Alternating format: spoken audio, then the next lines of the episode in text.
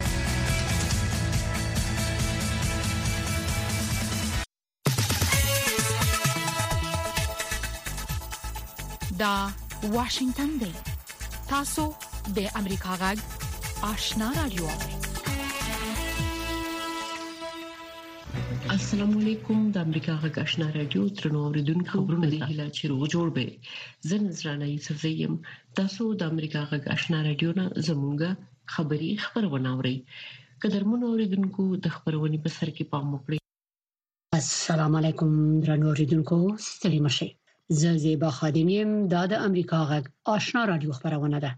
د نړۍ د دې ساعت خبرونو ته ساسې پام را اړوم د امریکا د باندنیو چارو وزارت ویلي دی چې د ټام ویست او رینا اميري په مشرۍ امریکایي هیئت د طالبانو سره د دوه په خبرو کې هغه موارد مشخص کړل چې د افغانانو د ملاتړ په برخه کې اعتماد منځته راوړي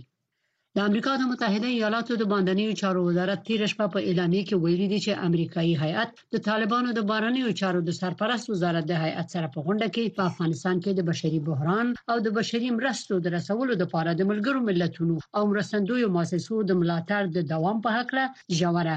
اندېښنه څرګنده کړه او له طالبانو نه وغوښتل چې د خپل هغو تګلارو نه لاس واخلي چې په افغانستان کې د بشري حقوقو وضعیت لا خرابوي په تیر بیا د خزو جنکو او هغو خلکو چې لستون د سره مخ دي او طالبانو ویلي دي چې د اقتصاد د تور لیست او د افغانستان په بانکونو د بندیزونو د لری کولو په مسایلو د امریکایي چارواکو سره غږیدلې دي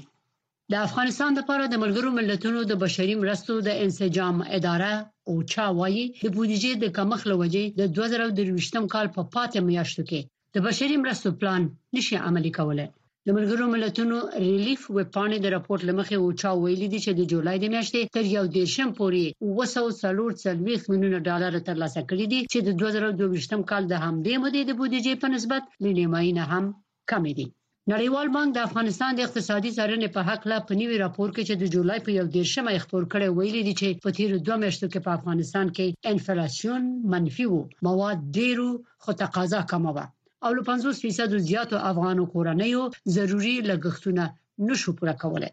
نړیوال بانک زیاته کړې ده، سره له دې چې په دوه زره او درویشت کال کې د سوداګرۍ کسر زیات شوی، خو د دې کال د جنورۍ نه د جولای تر میاشتې پورې د افغانۍ ارزښت د خارجي اسعارو په مقابل کې لوړ شوی دی. طالبانو د نړیوال بانک په راپور خوښي څرګنده کړې ده. د قزاقستان د بهرنیو چارو د وزیر قناعت تومیاش مرستیال پرون د جولای په 11مه په استانه کې ویلي دي چې د افغانستان او قزاقستان ترمنځ د سوداګرۍ د اړیکو پیاوړتیا به د دې سبب شي چې د پاکستان بازارونو ته د قزاقستان د ترانسپورت او لوجستیک لارې پرانیستل شي په دې وروستیو ورځو کې د ازبکستان، پاکستان او طالبانو چارواکو موافقه وکړه چې د ازبکستان او پاکستان د اورګاډو د پټلیو د وسلیدو لپاره په افغانستان کې د ریل پټلۍ جوړه کړي. د طالبانو د حکومت د سرحدونو او قبایلو سرپرست وزیر نورالله نوري د اګست په 11مه د خپل وزارت د اجرااتو د راپورټ ورکولو په ترڅ کې ویلي دي چې د ایران، ترکمنستان، ازبکستان، تاجکستان او چین سره یې د افغانستان د پولو د نښه کولو چارې په ځینو برخو کې بشپړې کړې دي خو د پاکستان یادونه یې نه ده کړې. تر دې مخکې ځینو افغانانو ادعا کړې و چې د افغانستان لور ته د آمو د سیند د بهیر د بدلیدو له کبله د افغانستان د خاورې ځینې برخې شمالي ګاونډیانو ته پاتې شوې دي د سیمې او نړۍ خبرونه د امریکا غږ آشنا رادیو د واشنگټن د استودیو نه اوري د ایران مقاماتو زرګونه افغانان چې په غیر قانوني ډول هلته اوسېدل افغانستان ته لیږدولې دي د خبر تفصیل ته ستاسو پام را اړوم د ایران د رضوي خراسان ولایت چارواکي وایي چې د ونیم زرو نه ډیر افغانان چې د استوګنې قانوني اسناد نه درلودل بیرته افغانستان ته لیږلي دي ایرانی مطبوعاتو پرون د دوشنبه په ورځ د جولای د میاشتې په یو دیرشمه د رضوی خراسان د طیبات د سرحدي پولیسو د قوماندان جګړن مجید شجاع له قوله ویل چې دا کسان په شپږ ورځو کې غونډ کړي شول او د دوغارون بندر لارې د افغانستان استازي ته وسپارل شول ایرانی چارواکي بیا وایي چې په افغانستان کې د طالبانو د واکمنۍ دونه ورسته ملیونونه افغانان ایران ته مهاجر شوي دي ایران له تیر دوو کلونو راهیسې په ډلېز ډول افغانان له خپل خاوري وباسي نو شاباشنا امریکا غاک واشنگټن خبرونه د امریکا غاک آشنا رادیو نه اوري د افغانستان لپاره د روسیې د فدراسیون د جمهور رئیس ځانګړی استازی زمیر کابلوف وایي چې د افغانستان د وضعیت د ارزیابۍ لپاره د ماسکو فارمټ غونډه به د سپټمبر د میاشتې په 9مه د روسیې د فدراسیون د تاتارستان د جمهوریت د کازان په ښار کې جوړه شي زمیر کابلوف د روسیې د تاس خبري اژانس سره په مرکه کې وویل چې د دغه غونډې په اجنډا کې د طالبانو د موقتی حکومت د ټول شموله کېدو موضوع هم شامل ده د هند پولیسو نن د اګست په اوله ویلي دي چې د دغه هیواد پایتخت نیوي ډیلي ته نږدې د هندوانو او مسلمانانو ترمنځ په شخړو کې لږ تر لږه څلور کسه وژل شوي دي یو شمېر قهرجن خلکو د اګست په یو دیرشمه نیوي ډیلي ته نږدې د نوح په نامه د مسلمانانو په سیمه د هندوانو په یوې مذهبي غونډې ډبرې وویشتلې او موټرونو ته یې اور واچوه څلورم کس د ګروګرام په سیمه کې هغه وخت مړ شو چې هندوانو په یو جومات برید وکړ په لیبیا کې د بشري حقوقو یوې ډلې ویلي دي چې پولیسو د دې هېواد په جنوب کې درې سوه او پنځه اتیا پاکستاني مهاجر په یوې چاپې کې د قاچاقبرانو نه ژغورلي دي. د العبرین په نامه دې ډلې چې په لیبیا کې د مهاجرو سره مرستې کوي، د دوشنبې په ورځ د جولای په یو دېرش مه په رسمي فیسبوک کې لیکلي دي چې د پاکستان دغه اتباع د تبروک د ښار نه لږ لرې په یو ګدام کې ساتل شوي وو او د پولیسو د چاپې نه وروسته ازاد شول. د اوکراین د خارکیف د ښار چارواکي وایي چې د روسیې درې ډرون الوتکو په دغه ښار بریدونه کړي دي د خارکیف ښاروال ویلي دي چې یو ډرون د یو کالج د للیې په دوه پوړیزې ودانۍ لګیدلی دی د پولیسو سیمه ییزو چارواکو ویلي دي چې په دې پیښه کې یو کس زخمی شوی دی او د طبیعي پېښو سره د طالبانو د حکومت وزارت ویلي دي چې تېر کال په افغانستان کې د ماینونو او ناچاودو مرمیو په چاودنو کې یو سل اتیا تنه مړه شوي او درې سوه او لس تنه نور ټپي شوي دي د ماین پاکۍ د چارو رئیس نورالدین رستم خیل د جولای په یو دېرشمه په کابل کې خبریالانو ته ویلي چې تېر کال دغه وزارت په افغانستان کې د ماینونو او ناچاودو ګولیو مرمیو دوه سوه او دوه پنځوس پېښې ثبت کړې دي چې څلور سوه او نوي تنه پکې تلف شوي دي زیبا خادم امریکا غږ واشنگتن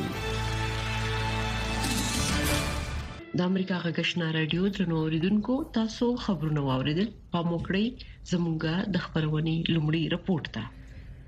د قطر په پلازمینه دوه کې د امریکایي چارواکو او طالب استادو ترمنځ د دوه ورځې غونډې وروسته امریکایي لوري وایي چې په دې غونډه کې د افغانستان په اقتصادي او بشري وضعیت سربېره په مهمو موضوعاتو بحث کړي د طالبانو د بهرنیو چارو وزارت هم څرګنده کړې چې په دې غونډه کې د نورو موضوعاتو ترڅنګ د دواړو لورو ترمنځ په اعتماد جوړونه بحث شوی دی. د متحدو ایالتونو د بهرنیو چارو وزارت د یوې اعلامیې په خپرولو سره ویلي چې د افغانستان لپاره د دغه هیواد ځانګړي استازي ټام ویست او د افغان میرمنو، انجونو او بشري حقوقو لپاره ځانګړي استازي رینا امیري د طالبانو د بهرنیو چارو د سرپرست وزیر امیرخان متقي په مشرۍ د طالبانو د جګپوړو استازو او مسلکي تکنوکراتانو سره د افغان ولس د ملاتړ لپاره د اعتماد جوړولو په لارو چارو بحث کړی دی د اعلامیې له مخې امریکایي چارواکو په دې غونډه کې د طالبانو څخه د هغو پالیسیو بدلیدو غوښتنه کړې چې په افغانستان کې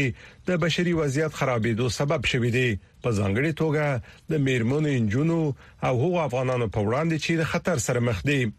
امریکایي چارواکو همدارنګه د طالب استادو سره په غونډه کې د افغانانو د نیول کېدو د مطبوعاتو د ځپلو او په مذهبي مناسکو باندې د محدودیتونو وضع کېدو په حق له جدي اندېښنه څرګنده کړې په غونډه کې امریکایي پلاوي په افغانستان کې د بشري ناورین په حق له ژور اندېښنه څرګنده کړه او د بشري اصولو سره سم یې د خیریه مؤسسو او ملګرو ملتونو اړوندو ادارو سره ملاتړ څرګند کړ چې افغانان ته بشري مرستې رسوي بلخوا د طالبانو د بهرنیو چارو وزارت ویاند عبدالقهار بلخي هم ویلي دي چې په دې دوه ورځنۍ غونډه کې د دواړو لورو ترمنځ د اعتماد جوړونې په دغه لار کې د عملی ګامونو اخیستلو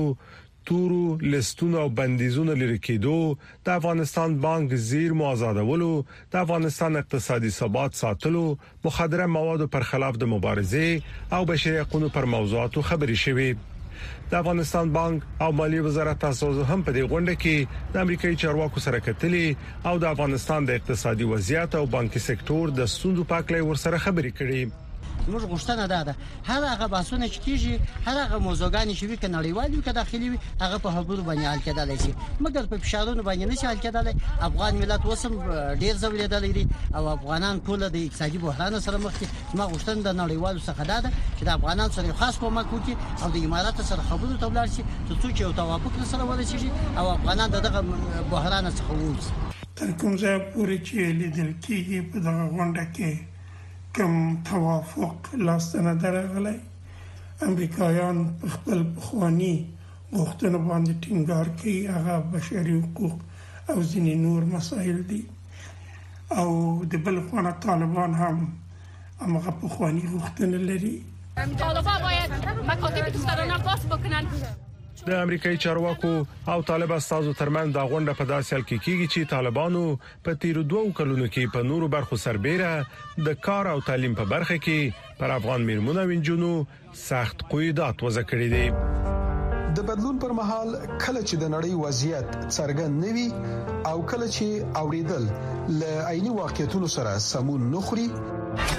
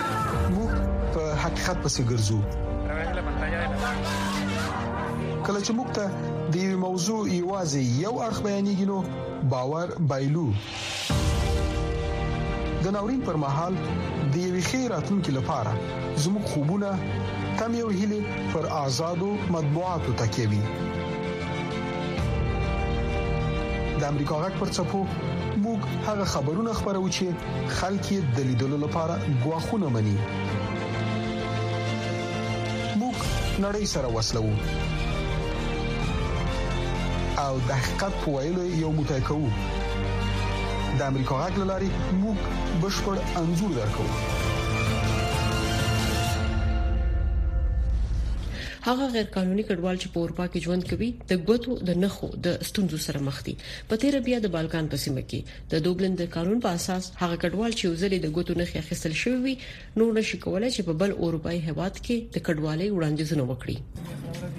هغه کډوال چې د سختو لارو په قاچاقي ډول اروپا ته ځانونه رسوي د یو لړ سختو ستونزو سره مخامخ دي چې یو یې هم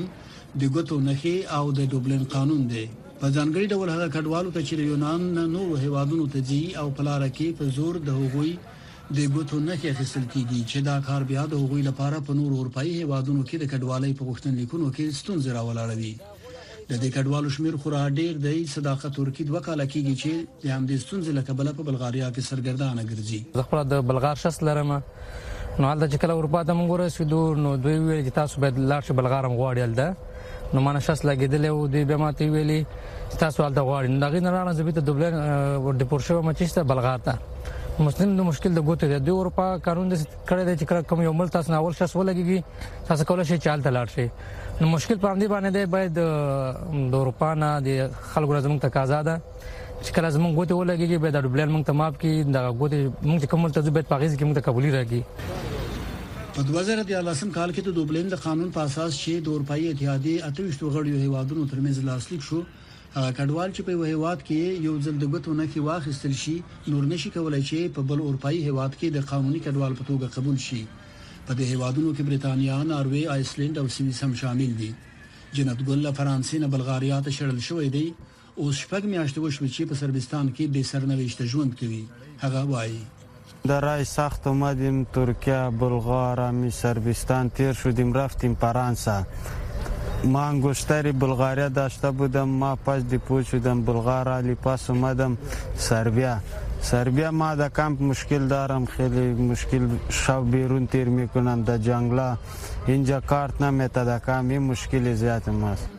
خو د بالکان په حوزه کې د کډوالو د خوښې نه پرته د هغوی د ګوتو نښې اخیستل کیږي چې د کار ډیر کډوال د سختو ستونزو سره مخامخ کړي دي چې یو له دوی څخه حشمت الله شاهین دی چې د سختو ننګونو سره مخامخ دی. ګوتې دې لګوي په هر مملکت کې بیا هغو ته چې ګوتې دې ولګیږي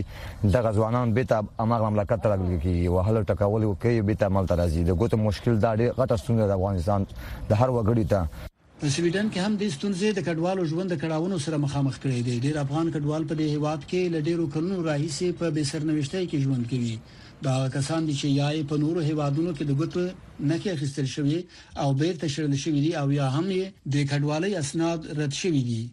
په ستکهولم کې د افغانستان پخوانی سفیر عباس نویان په اروپا کې دا وضعیت ستونزمن بولي. یه مشکلات هست وجود داره و فعلا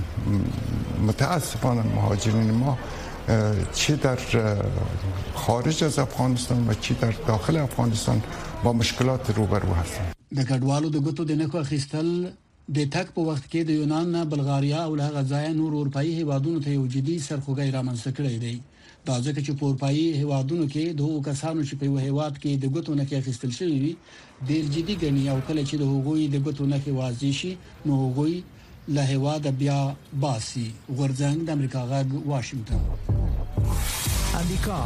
یو له هغو هیوادونو څخه چې د نړۍ له ګوټ ګوټ څخه د بیلابیلو کلتورونو دودونو ملیتونو او ارزښتونو کوربه دی په امریکا کې ژوند او ته مهاجرت کول لکه د نورو هیوادونو په څیر خپلې ښېګڼې او سختۍ لري ځینې خلک په خپلو هڅو او له فرصتونو نه په ګټې اخیستو خپلو هیلو ته رسیږي خو ځینې نور بیا له ستونزو سره مخ کیږي ژوند په امریکا کې هر جمعه د افغانستان په وخت د مازیګر له شپږو نه تر شپږ نیمو بجو او د ختیځ امریکا په وخت د سهار له نهه نیمو تر سو بجو یو افغان کډواله چې د افغانستان د خپل هنر د خوندي کول په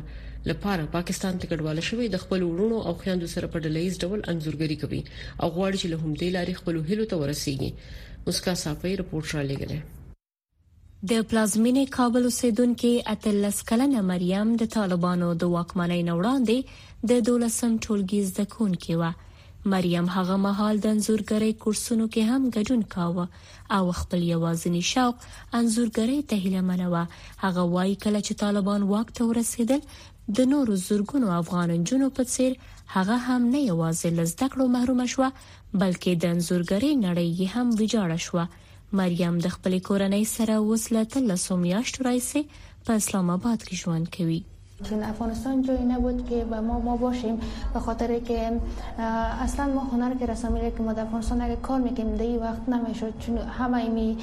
تال چیزایی که یاد گرفته بودم همش از یادم میره به خاطر که طالبا بودن وقتی ما مواد رسامی را میخریدم میامدم خانه میگفتن این چی است کنن تیره چرا کار میکنید و هدف شنی است این حرام است در دین اسلام از اون خاطر ما پدر مادرم شان تصمیم گرفتن بیایم پاکستان و همینجا زندگی کنیم تا که وضعیت افغانستان بهتر میشه مریم د هغې دوه ورونه او دوه غبرګونې خويندې ډول ډول انزورونه جوړوي او تر دې دمه دغه انزوري زډلې شاوخوا دوه سوه انځورونه جوړ کړي دي، خو خپلو زده کړو او اقتصادي وضعیت ته اندېښمن دي. هدف آرزوهای ما خیلی زیاد است هدف آنقدر زیاد است که ما در این وضعیتی که در این فعلا که زندگی میکنیم اما از هر از هر آن چیزی که آرزو داشتیم کلا از امکانات ما دور هستند و به او خیلی به او امیدی نیست که ما بتانیم رسیده چون در وضعیتی هستیم که کلا فکر کردن نمیتونیم چون وضعیت اقتصادی خیلی پایین است و خودتان بهتر بفهمید که هنر رسمی خیلی باید وضعیت اقتصادی خیلی بالای باشه که سرزوب کار کنیم و دیگام بزرگتر و زیباتر شود اسلام آباد مکتبایشان بسیار زیاد قیمت است من نمیتونم تعلیم دانش بکنم تعلیم دانش بخوانم وقتی که پیسه نداریم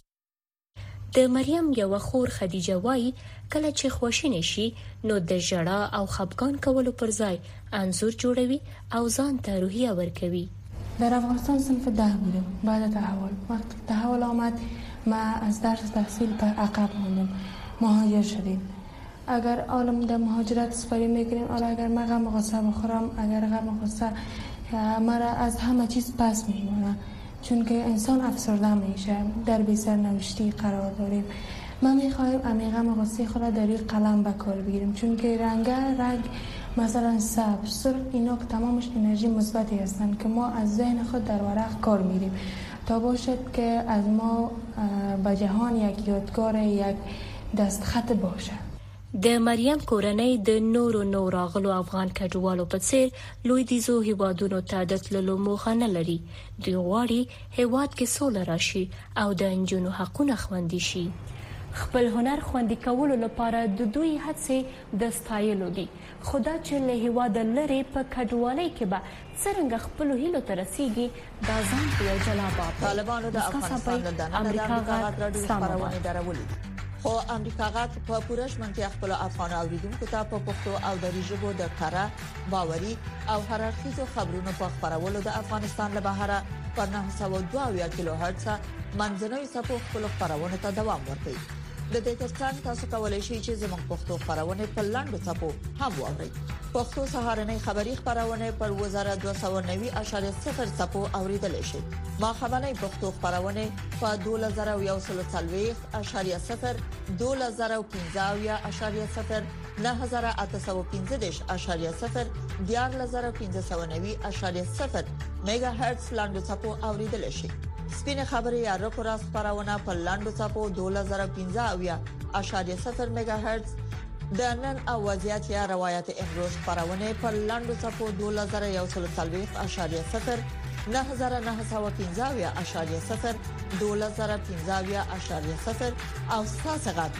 یا ساده شما خبرونه پر لاندو صفو 2015.0 9315 میگا هرتز اوریدل شي د امریکا په پخوانی جمهور رئیس ډونالد ټرمپ د نو جنایي جرمونو تورونه پوری شوې دي خو هغه په ځان لګیدلې تورونه یو ځل بیا عادي ګڼلې بلې خو د جمهور رئیس جو بایدن زوی هانټر بایدن هم په داسې حقوقي قضیو کې ښکیل دی چې تا په خپل جمهور رئیس د جمهوریت غوښتونکو د انتقاد لاندې راغلی نور تفصیل په دې رپورت کې د شنبې په ورځ په پنسلوانیا ایالت کې په یو ټاکنیزه غونډه کې پخوانی جمهور رئیس ډونالد ټرمپ چې د 2024م کال د جمهوریت ریاست ټاکنو ته درېدلی یو ځل بیا یې پر ځان لګیدلي تورونه رد کړل دا تورونه احمقانه دي هغوی غواړي چې مخکښ نومان ته زیان ورسوي تېره پنجشنبه فدرالي څارنوالانو د جنایي جرمونو اړوند درې نور تورونه هم ثبت کړل پر هغه تور دی چې د محرم او اسنادو ناسم مدیریت یې کړي او د عدلي تحقیقاتو د مخنیوي په تور کې تر پلټنو لاندې دی د نیوجرسي پخوانی والي او جمهوري ریاست ته جمهوري غوښتونکی نومان کریس کریسټي چې د سي ان ان شبکې د سټیټ اف د یونین خپرونه کې څرګند شو، پر هغو نویو شواهدو وغږید چې پکې ویل شوي ټرمپ هڅه کوله خپل ځینې مامورین دې ته اړ باسي چې ځینې مهمې امنیتي ویډیوګانې ډیلیټ یا له منځه یوسي. دا د اتلس میاشتنۍ غوښتنې وروسته د حکومت څخه د شخصي او محرمو معلوماتو پټول وو چې د ډانلډ ټرمپ نه غوښتل کیدل چې په خپله رضا یې وسپاري.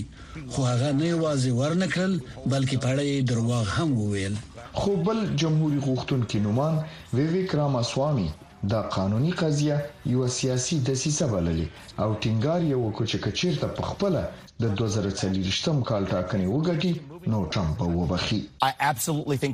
زه بلکل په دې باور یم چې د هیواد په ګټه به دا وي چې د تیر وخت شکایتونه او خپګان شاته پریښودل شي. بله حقوقي قضیه چې سرټکی یې جوړ کړي د هنټر بایډن اړوند ده. تیره پنجشنبه د جمهور رئیس جو بایډن زوی باید د مالیاتو په نه ورکولو قضیه کې ګرم ګڼل شوی وای خو داسې ونه شو ځکه د یو قاضي په غوښتنه د استیناف په پریکړه کې ځینې بدلونونه راوړل شوي. په دې اړه د امریکا پخوانی څارنوال چک روزنبرګ د ان بي سي ټلویزیون د میټ د پریس خبرونه کې تبصره وکړه. که ښاغلی بایډن په خپل جرم اعتراف وکړي، دا موضوع د حل وړ ده او فکر کوم که دا کار وکړي، په ګټه یې ده. د استازو د مجلس جمهوري غوښتونکي رئیس کیوین مکارټي په دې وروستیو کې هغه نظریه ډېره مطرح کړه چې د مالي منابعو د ناسم مدیریت په تور باید د جمهوررئیس بایډن نه تحقیقات وشي. د نیو همپشایر جمهوري غوښتونکي والي کریس سونونو د ای بي سي ټلویزیون دا اونۍ خپرونه کې خپل نظر شریک کړو. په امریکا کې ډېر د پام وړ ستونزې شته، لکه رواني ناروغۍ، د مخدره موادو بحران، د سرحدونو د خوندیتوب جنجال او زما په نظر باید دغو ستونزو ته ډېره پاملرنه وشي. جمهور رئیس بایډن چې په مین ایالت کې یې د خپلو اقتصادي تګلارو تبلیغات کول د جمعې په ورځ یې د استیزا په موضوع وخندل او بیا یې دا خبره رد کړه چې هیڅ کله یې د خپل زوی سره په نورو ملکونو کې د هغه د کاروبار په اړه خبرې نه دي کړې